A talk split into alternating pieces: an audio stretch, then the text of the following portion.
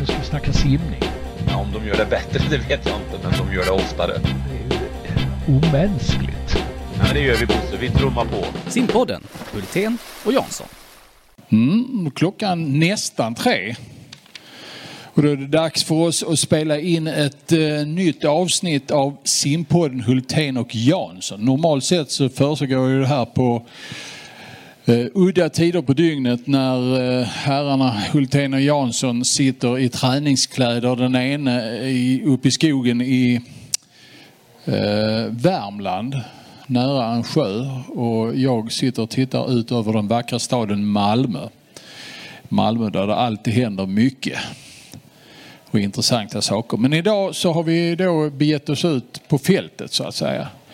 Och Uh, ska det förhoppningsvis spelas in här under tiden som vi snackar och så ska vi lägga ut det på nätet och så blir det podd nummer 133. Vi började 2015 och eh, det var, ja, någon idé om att eh, man kan väl snacka simning på nätet också så har det blivit massor med eh, sådana här poddar, podcasts som det heter.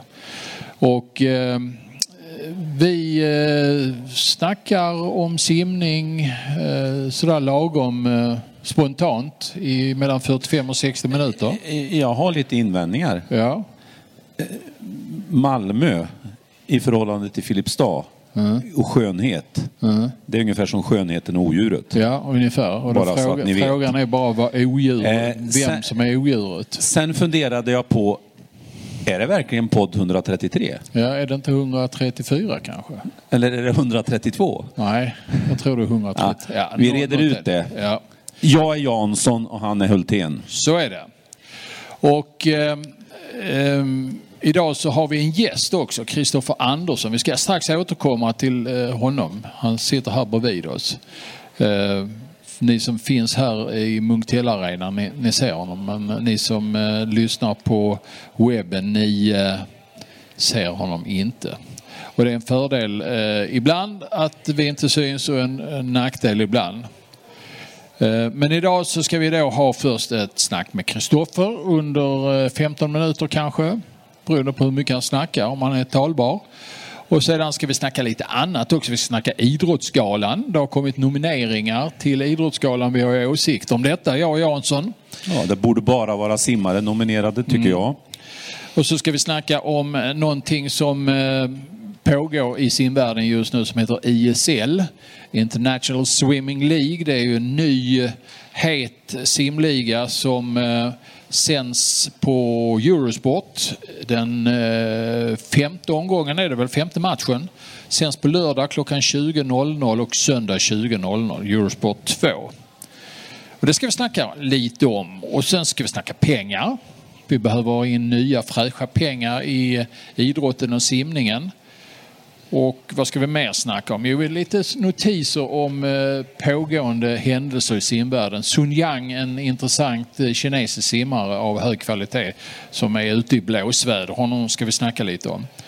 Och så ska vi snacka om Vinterstudion i SVT. Det snackar vi om varje gång. Det är vårt lilla speciella eh, hatobjekt. Eh, och då, då får man ta upp det även här då. Är det något mer du vill ha upp på programmet, agendan då? Mixedlagkapper på SM, JSM och SumSim. Ja, och det har Till vi också. exempel. Ja. Det kan vi ta upp tycker jag. Och nu är det ju så att här simmas ju oerhörda mängder med lagkappor här inne. Och lagkapper är kul, simmarna tycker det är kul, publiken tycker det är kul. Och så nästa år så införs det till exempel mixed lagkappor i OS. Och varför finns då inte mixed lagkappor med på SM kan man ju fråga sig. Det är inte speciellt framsynt eh, från de som organiserar det här. För mixed lagkappor är någonting som är väldigt eh, PK som det heter. Och eh, eh, väldigt spännande också tycker vi.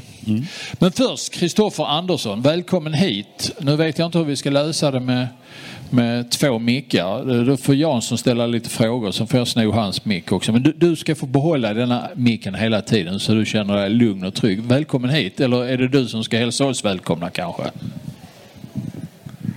Nej, tack så mycket. Ehm, Jag känner mig välkommen hit till podden. En ära.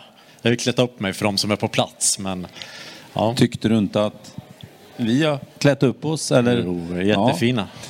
Du, Kristoffer. Vem är du? Vem är Kristoffer Andersson? Take the whole story. Det, det, det är märkligt när vi spelar in podd, Bosse och jag. Han ska ändra och krångla och lägga sig i och bestämma. Jag vet inte om det är liksom något som sker när de kommer på andra sidan Hallandsåsen eller vad det handlar om. Kristoffer Andersson, men, men det var en bra synpunkt. Kristoffer Andersson, han är SM-general. Det är därför han är inbjuden här. Det är mannen som har jobbat i stort sett dygnet runt i sex månader. Slutat att sova, nästan slutat att äta. Eh, känner knappt igen sina barn. Han har gett allt för att det ska bli den här festen. Men vi vill ju veta mer. Vem är Kristoffer Andersson och vilken anknytning har du bakåt till simning och så vidare? Varsågod. Tack. Ja, jag, jag hade ju ett långt hårsvall här i februari, men det är lite tunnare nu. Precis som för er så lite klorskadad sen eh, barnsben. Det handlar ju mycket om simning för mig. Jag har gjort, alltid gjort. Ehm, 2006 så fick jag erbjudandet om att börja eller ta över efter Gunnar Rosvall, ikonen Gunnar Rosvall som eh, jobbar i Tunafors då i 30 år. Så att, eh, då började jag som föreningskonsulent i Tunafors sportklubb och sen dess har det varit en fantastisk resa på 13 år om man ska se simperspektivet ur vem jag är. Så eh, hade jag tre år i fina lilla Tunafors innan vi tog mod till oss att börja med sammanslagningsprojektet Eskilstuna simsällskap, Tunafors sportklubbs simsektion. Det hade gjorts några tappra försök eh, innan dess. Men den här gången, efter två års slit, många möten, så blev vi en stor förening. Och det, det är faktiskt grundanledningen till att vi är här idag och kan arrangera ett svenskt mästerskap i en fin hall. Att två små klubbar blev en stor klubb. Men du hade en egen simkarriär innan 2006? Ja, jag simmade i alla fall innan 2006. Ja, en, någon form av karriär. Ja, men var du var ju till och med med på eh, Swim Open i Stockholm för så sent som två eller tre år sedan. Så du är ju oerhört simkunnig även idag. Ja, och jag kommer nog inte få ro i min eh, simmarsjäl förrän jag simmar under 30 sekunder på 50 meter bröstsim. Jag kan ge dig ett råd. Vänta inte för länge. Åren är inte till fördel då. Nej, Nej jag känner också att eh, klockan tickar. Så att, eh, det när, när gör du nästa försök? Stenungsund, Masters-SM. Mm. Då blir det nästa försök. Lite tajt med tid att komma igång med träningen. Men, eh, ja. Under din tränarkarriär, då blev det en bronsmedalj på 200 fjäril på SM i Linköping 2009, eller är jag... Eller? Var det inte Måns? Ja, äh, Måns vann junior-SM. Vann junior-SM, men ja, tog han inte ett senior... Eh, brons. Brons, ja. ja. Just det. Exakt. Mm.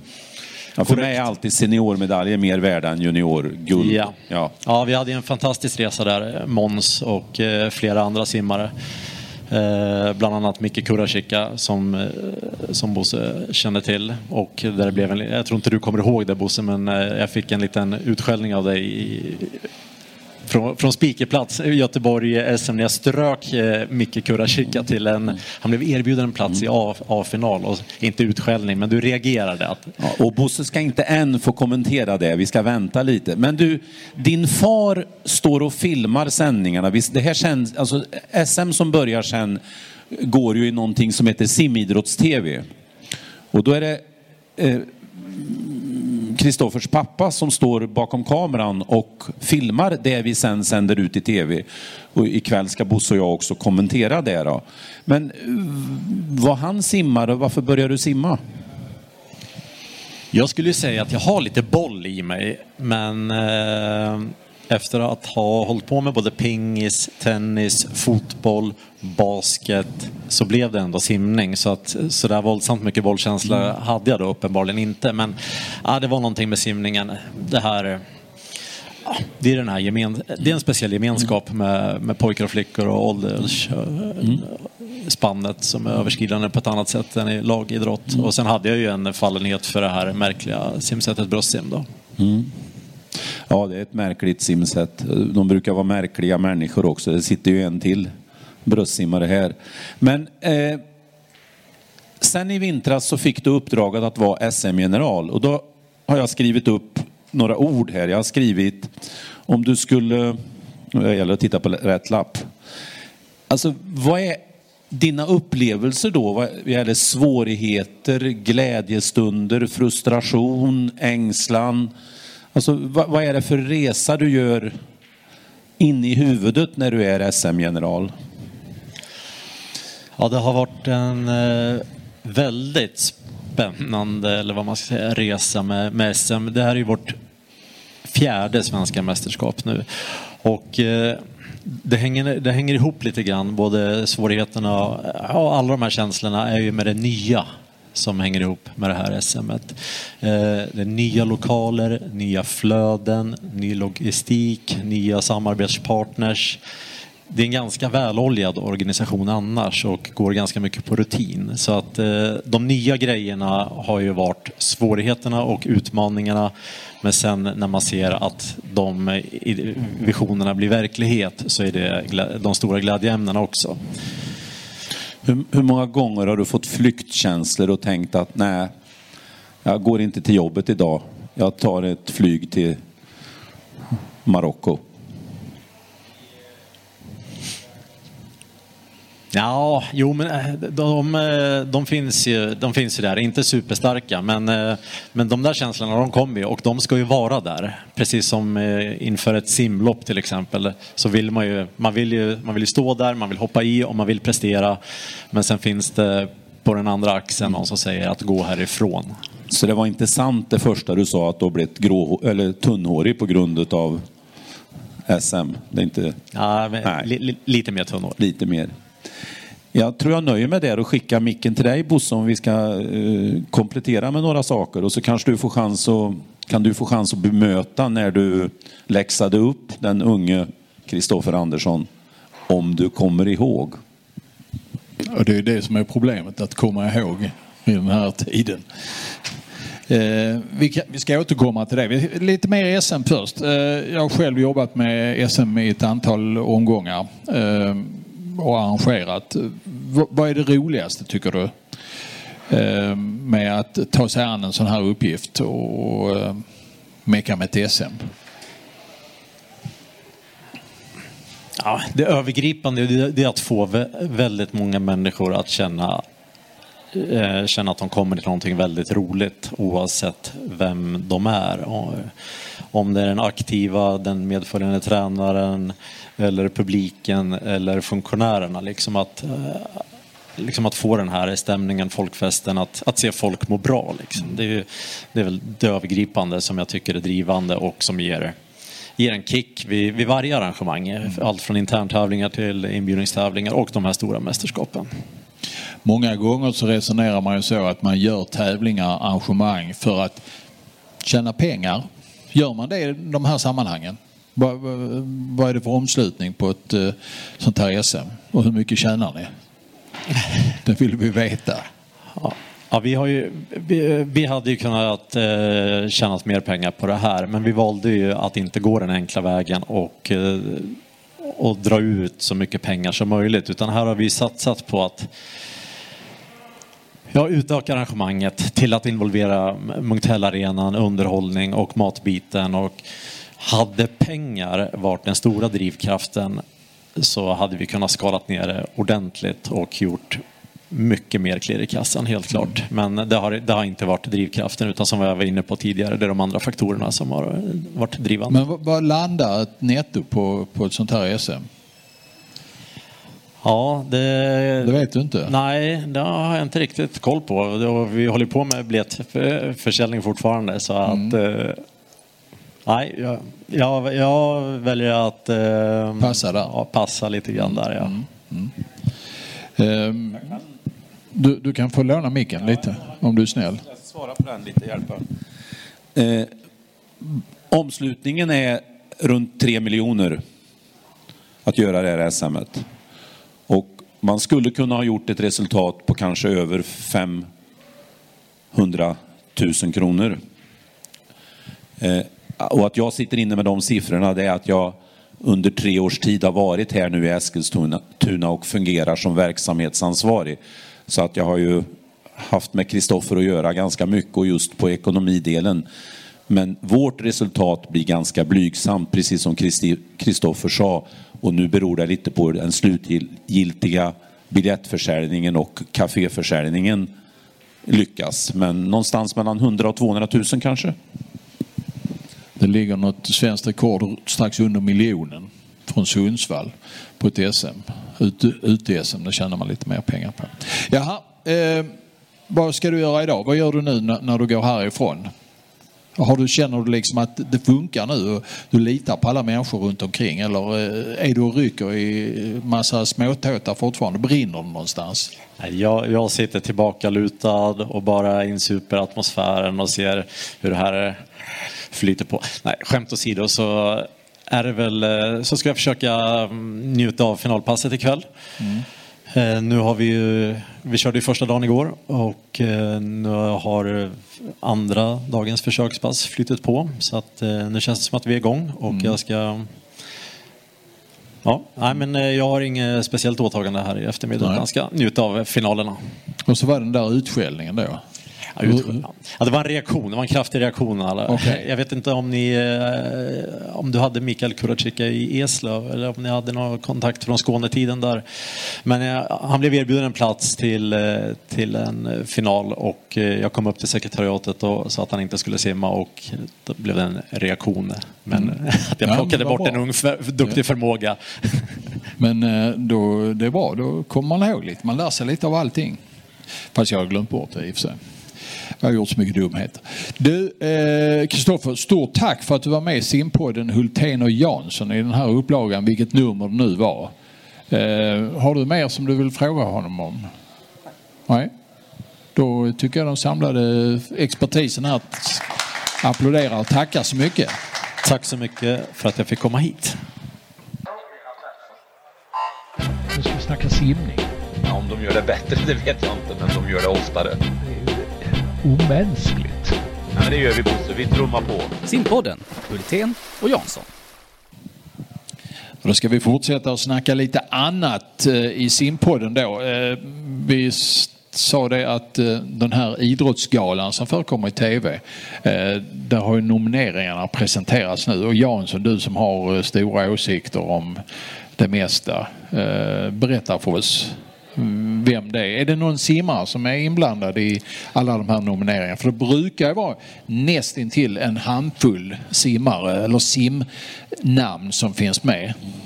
Oftast färre än vi simälskande eh, tycker att det ska vara. Den här gången är det Sara Sjöström. Mm, inte helt oväntat kanske. Inte helt oväntat, hon är då i kategorin eh, bästa kvinnliga idrottare. Hon är nominerad tillsammans med Tova Alexandersson, en mycket, mycket duktig orientererska. Eh, en helt enastående orientererska. Och sen är det en eh, skidskytt som heter Hanna Öberg och en eh, skidåkare som heter Stina Nilsson. De fyra är i kategorin kvinnlig idrottare. Och om eh, de nominerade var de här fyra, vilken då vinnaren enligt Thomas Jansson? I det här fallet är det ju bara simningen som är en världsidrott. Det andra är ju ganska perifera idrotter. Men jag är, jag är imponerad av Tova Alexandersson så det är väl den som jag ser som enda utmanaren till eh, Sara. Men sen vet vi historiskt utifrån vilka som sitter i juryn och så att ofta har du skidor på fötterna så ökar chansen att få en medalj. Men Sara blir mitt val. Och jag eh, väljer i år faktiskt Tove. Tove Alexandersson som jag tycker är en fantastisk idrottskvinna som inte är världsmästare i en idrott utan i två. Ja, dessutom. Jag köper till fullo. Och vinner allt hon eh, satsar på. Så det, det, det tror jag på. Årets manliga idrottare då? Vad har vi för någonting där? Där har vi också en orienterare, Gustav Bergman, och sen har vi två stycken friidrottare, Duplantis och Ståhl. Och sen, och det hoppas jag att jag uttalar rätt, en skateboardsaktör, Oskar Rosenberg tror jag han heter. Jag ber om ursäkt om jag har sagt fel där, men jag tror det är det. Ehm, så det är de fyra nominerade. Och Ståhl är min man. Ja, eller Duplantis kanske. Ja. Skateboardåkaren kan jag inte riktigt värdera. Nej, inte jag säga. heller. Gustav Bergman är också oerhört kompetent men faller lite på att eh, orientering i förhållande till friidrott är stor skillnad. Så kommer vi till där årets lag. Ja, Och det är väldigt mycket kvinnor i år. och det tycker jag är bra att de profileras och kommer fram. Och i, i år är det då eh, fotbollskvinnorna som ju tog en eh, fin medalj på VM i somras. Och så är det en skidnominering. En, stafett 4 gånger 5 kilometer. Vad vann de stafetten? Var det på Jämtlands DM eller? Nej. Ja, det var väl VM tror jag. Ja, Okej. Mm. Orten var Seefält, ja. Ja, just det. Och sen eh, var det Hermansson och Weger i bo- bowling. Och sen var det också ett lag i orientering. De fyra som är nominerade. Och jag väljer damfotbollslaget. Okej. Mm. Ja, det var ju populistiskt och bra ju. Nej, jag, alltså det är de, de, eh, självklart val för mig. Ja. ja, men det kan ju vara så att du kan ha rätt. Bowling. Ja, det sköna med det här Bosse är att det finns ju inget rätt. Nej, nej, Det nej. finns inget facit Nej. utan det finns lite känslor och så kan man tycka lite. Årets ledare då? Håkan Karlsson är nominerad, har gjort en fantastisk, om ett slitet uttryck, karriär som, som förbundskapten för orienterarna med oerhört eh, bra utfall på varje mästerskap. Sen har vi Peter Gerhardsson som ju då var ansvarig för damerna i somras som tog medalj. Vi har Rickard Grip som har jobbat med skidor i många år. Och sen har vi Westein Hafsteinsson, islänningen som är tränare för eh, Stålmannen. Stålmannen, ja. Eh, och där väljer jag Håkan Karlsson, orientering. Ja, det är vi helt överens. Mm, bra. Du, årets nykomling, det brukar vara rätt intressant. Alexander Isak, fotboll. Tilde Johansson, längdhopp. Och hon kan också springa 110 meter. Eller nej, de springer, de springer 100 meter bara. 100 meter. Frida Karlsson, skidor. Och eh, Truls Mörgård, en duktig pingisspelare. Spelar i Eslövs BTK, va? Är det inte så? Ja, tror det. Stämmer, va? Mm, tack. Tack för assistansen. Ja. Här, alltså... Först tänkte jag Alexander Isak. Men nu har jag under de här minuterna vi har suttit här lite grann gått över mot pingisen. Och... Ja, Det blir pingis. Det blir det? Ja. Mm. Ja, vad bra. Jag har ingen sådär... Du har ingen åsikt? Nej, möjligtvis eh, hon skidåkaren.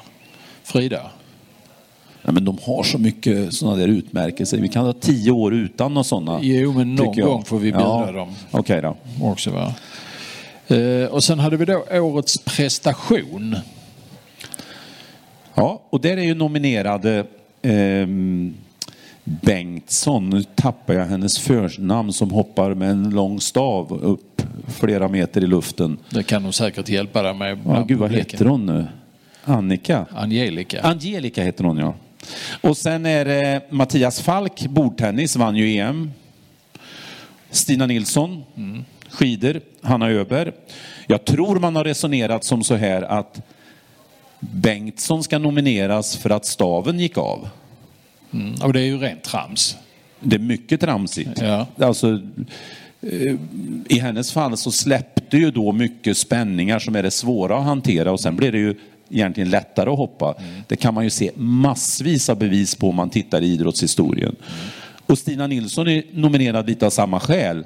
Hon, hon strä- en, skadad. Och jag tycker inte om när man lägger in de där känslomässiga värderingarna i, i, ehm, i historien och, och mäter det mot en annan Men prestation. nyss sa du att det var subjektiva värderingar. Jo, men jag tycker inte, och det subjektiva är att jag tycker inte om det. Nej.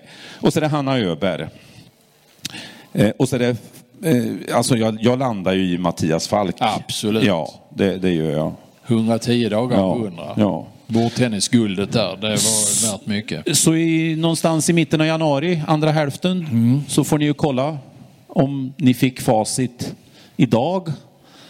Eller om det blir en helt annan Och tänk, vad de där gubbarna i soffan kan vara självgoda och tycka och tro sig Men det är vi rätt. jättebra på. Ja, visst. Ja. Ja, men det, Det är ju nästan så- ett varumärke. Ja, det är det.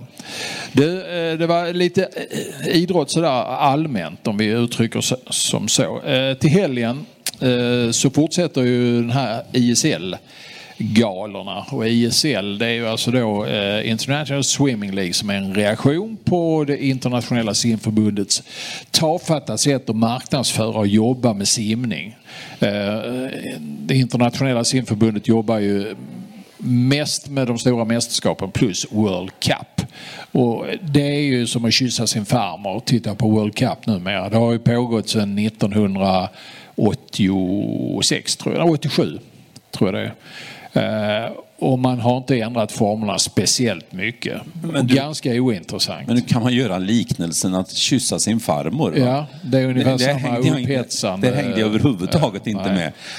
Ja, det- fortsätt, det- förlåt. Ja, det inte speciellt roligt. Och nu har man då gått in och eh, det är en rysk sån här lite, jag vet inte hur tveksam han är rent eh, eh, miljömässigt tänkte jag säga, Nej, men eh, etiskt. Eh, och en oligark som eh, öser jättemycket pengar på simningen, hundratals miljoner under tre år.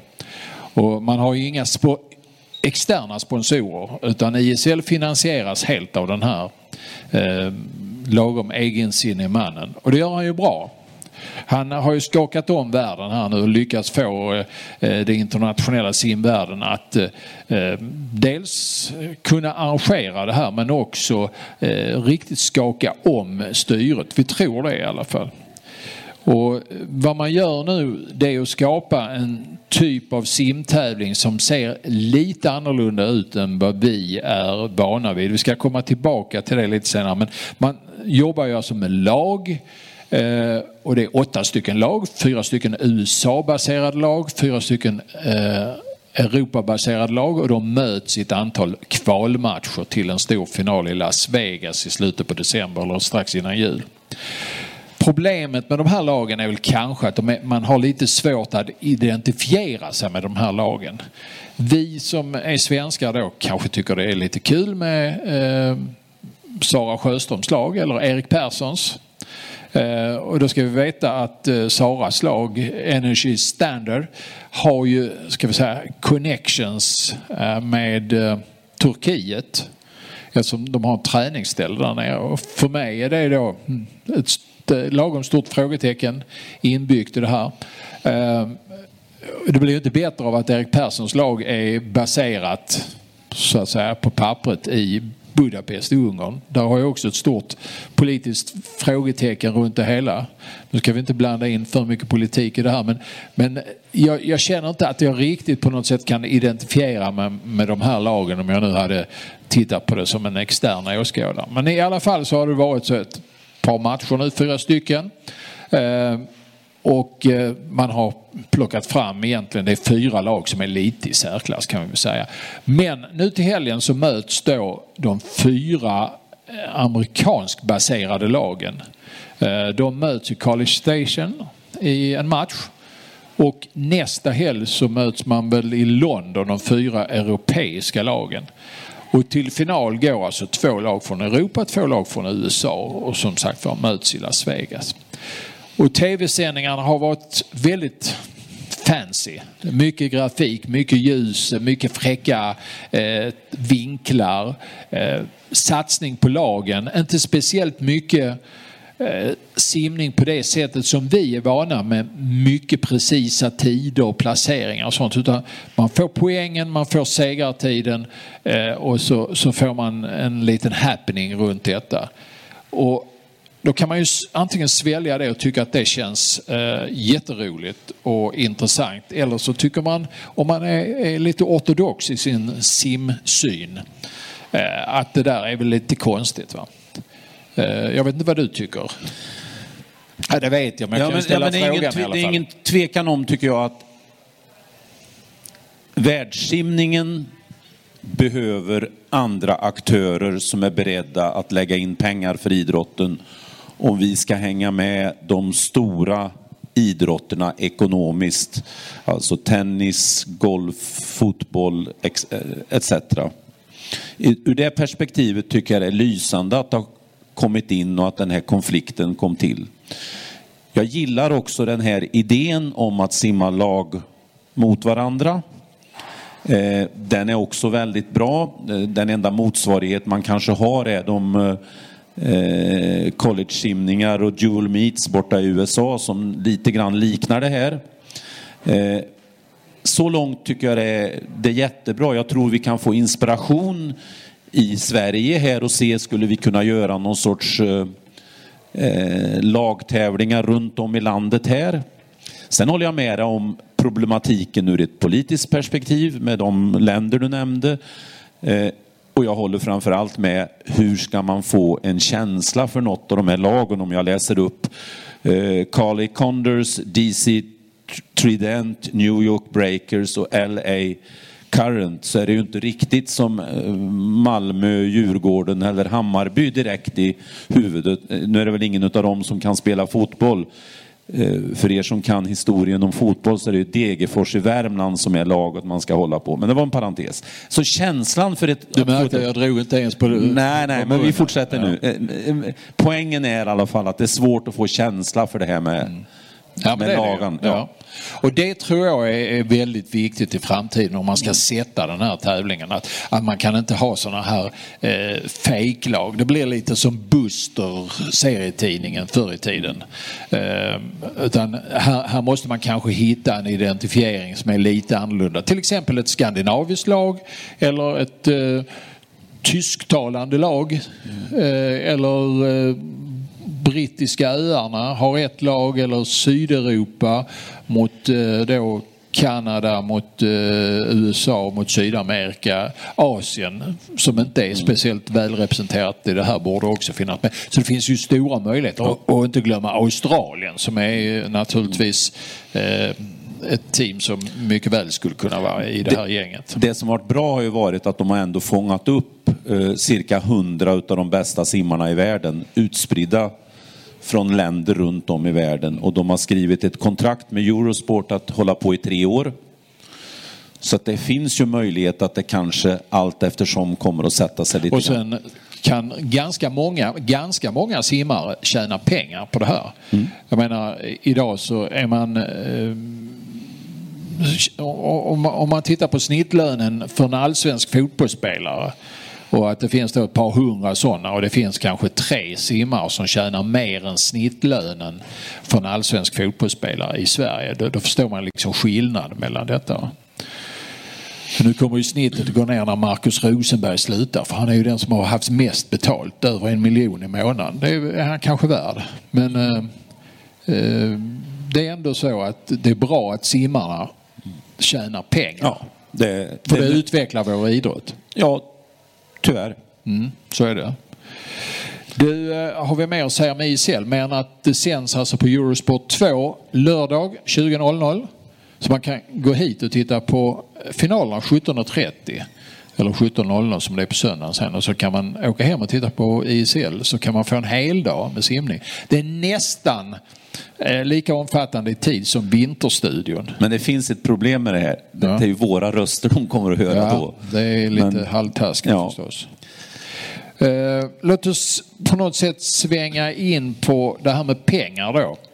Eh, vi har ju diskuterat det väldigt mycket. Och ett problem i simningen det är ju inte pengarna utan det är bristen på pengarna snarare. Att eh, det finns ju, det, det är en stor idrott, det är om jag men någorlunda, det beror på lite hur man räknar, men det är väl den åttonde största idrotten i Sverige omfattningsmässigt eh, när det gäller medlemmar och sådär. Men eh, det är inte speciellt mycket nya fräscha pengar som kommer in i simningen utan gener pengarna genereras inne i simvärlden. Det är egentligen inte där man ska taxa ut pengarna utan det ska komma in nya pengar i form av eh, ja, sponsorer, eh, nya projekt, nya idéer. Och det är det väl lite renons på eller du tycker att Nej, nej men det funkar? många gånger löser en klubb eh, ekonomin genom att kanske höja träningsavgiften, medlemsavgiften eller ehm, anmälningsavgiften till en tävling. Och det är ju också viktigt om man är duktig att man ska kunna göra. Men det är ju egentligen inte nya pengar in utan det, då flyttar man runt egentligen från, från familjen som är intresserad av simning till klubben och sen så flyttar klubben pengar till en arrangör. Så med nya pengar då menar vi ju verkligen nya pengar och du nämnde ju några exempel. exempel. Det finns andra, publik till exempel. Eh, idag om man analyserar publik som kommer på ett SM så är de allra flesta människor som har någon koppling till simning. Och där är ju nya pengar att finna de som vill gå på en simtävling för att det är en simtävling. Man behöver inte ha då barn eller barnbarn eller det intresset eller ha simmat själv. Det är också ett exempel på nya pengar. Men framförallt tror jag är att tänka affärsmässigt nya projekt. Eh, mässan här är ju ett sånt litet exempel på att gå utanför ramarna när man gör, eh, arrangerar. Och sen finns det andra och där tror jag man måste göra en jättehemläxa på förbundsnivå, på regionnivå, på klubbnivå och tänka mer affärsmässigt helt enkelt. Ja, nya pengar in. Det är någonting som är väldigt viktigt och har varit viktigt för simningen under många år. Du, eh, eh, för att vi ska hoppa vidare här, vi ska vi se vad klockan är. Hon är 35 minuter efter start. Eh, Har vi mer att säga om pengar? Du är ju lite besatt av pengar har jag hört. Det vet jag inte, men de är bra. Ja. Sun, Sun Yang ska vi snacka om. Ja. Sun Yang, en intressant eh, kinesisk simmare.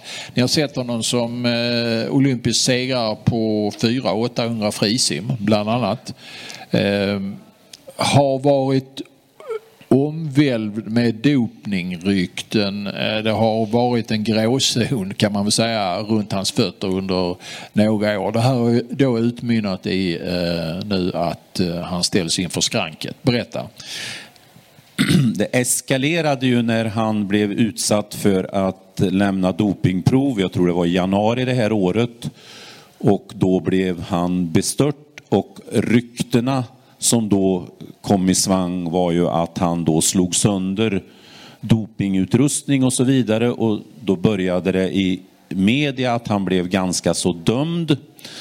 Eh, och när man sen kom till VM i somras så blev det protester från simmare runt om i världen, bland annat en ganska tydlig protest som var i samband med en prisutdelning. Fortfarande vet vi inte riktigt vad som är sant i historien, men i dagarna har eh, själva rättegången börjat och WADA, den internationella dopingkommissionen, de menar ju på att han har gjort alla de här sakerna och vill att han ska bli avstängd i åtta år. Och det kan ju mycket väl vara som så att hela historien är sann men eh, man ska ju inte vara dömd förrän allt har retts ut från alla håll och kanter. Och det kommer att pågå nu under en ganska lång period i vinter och de räknar med att kunna kanske ge besked någon gång fram i januari om han har gjort de här felen eller om han inte har gjort dem. Eh, när, när du snackar rättegång, hur, hur ser den ut? Är det WADA som eh, ställer honom inför Ja, och den, skranket? eller? Sun Yang har ju begärt att den ska vara helt transparent. Så den ska inte ske bakom eh, stängda dörrar utan man ska kunna gå in och lyssna. Och det finns en, en eh, duktig journalist på DN som kommer att följa det här och eh, rapportera i DN från den här öppna rättegången. eh, för den som är intresserad att följa det här lite närmare. Så att eh, jag är lite nyfiken på, blev det en, eh, vad säger man, en anka av den där fjädern? eller är, var en, ja, tvärtom, eller var en anka från början? Alltså, är han den skurk som han har blivit eh, utmålad att vara? Och det vet vi ju inte än. Nej. Det intressanta med Sun Yangs position i den kinesiska idrottsvärlden det är att han, han är eh, topp tre bland idrottsmän, manliga idrottsmän i Kina tillsammans med eh, basketspelare och en eh, friidrottare. Så han är, han är väldigt stor i, i, i Kina. Mm. Ja, det var Sun Yang det.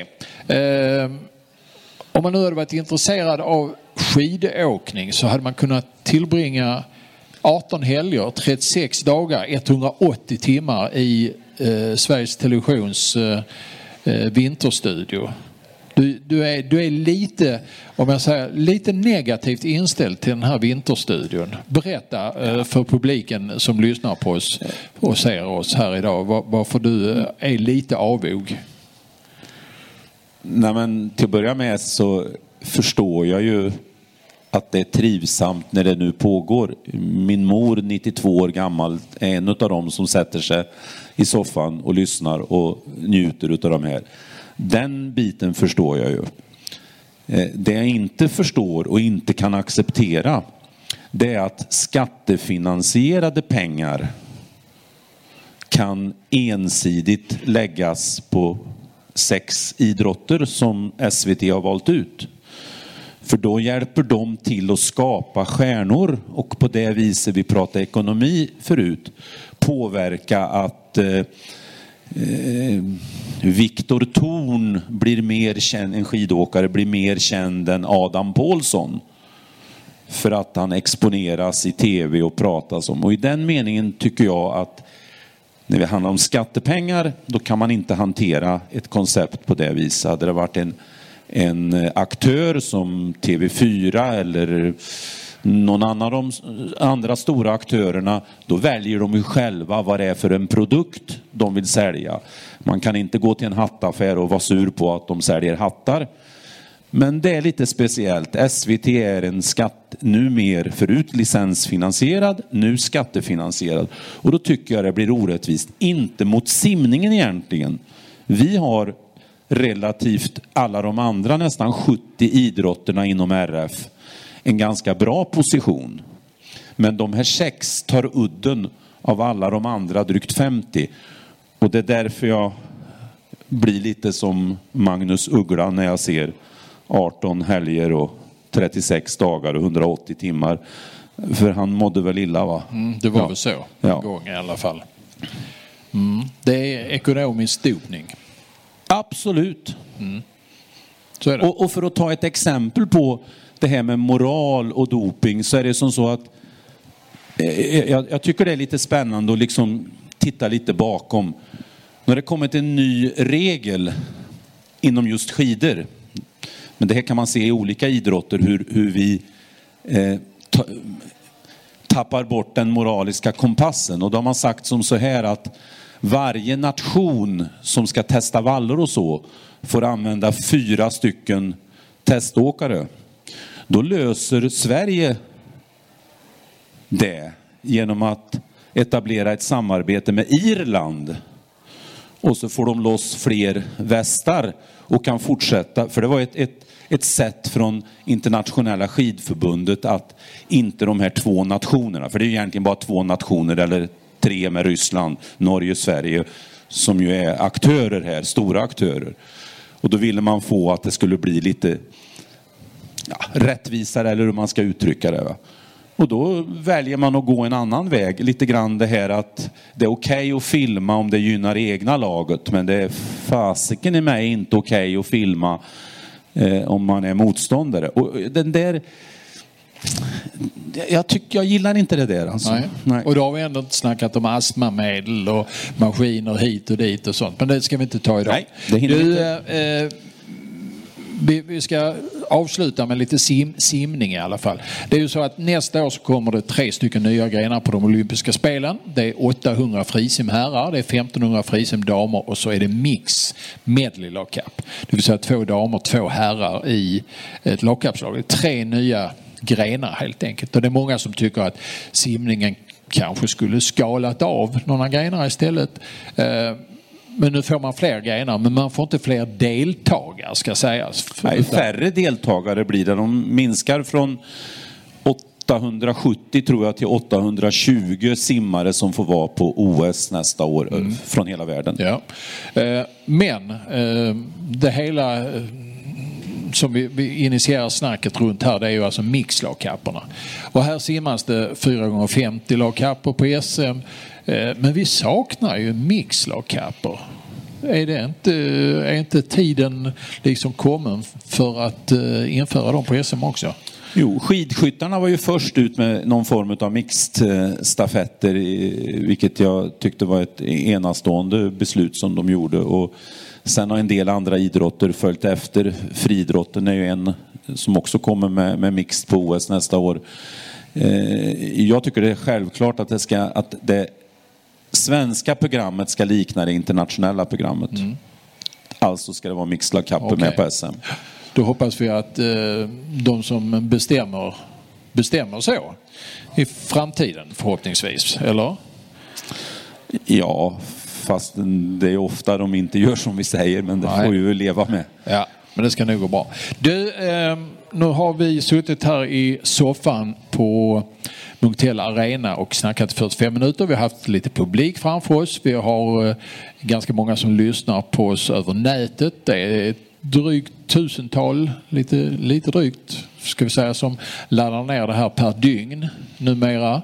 Eh, vi tackar eh, er som sitter hemma och lyssnar vi tackar också er som har suttit här på arenan. För nu är det nämligen slut på simpodden Hultén och jag. Så har du någonting att tillägga? Jag vill bara säga det att vi har ju också ett uppdrag att klockan fyra göra ett litet försnack på, för då kommer ju vi tala om för den som inte har tid att gå på simningen ikväll kommer vi tala om hur det går. Ja, just det. Ja. Det gör vi klockan fyra. Och då, då, då, kommer de här självsäkra herrarna att fortsätta sitt snack eh, oemotsagda här i soffan, alltså 16.00. Men för nu, tack och adjö och tack för att ni har lyssnat. Mm, tack.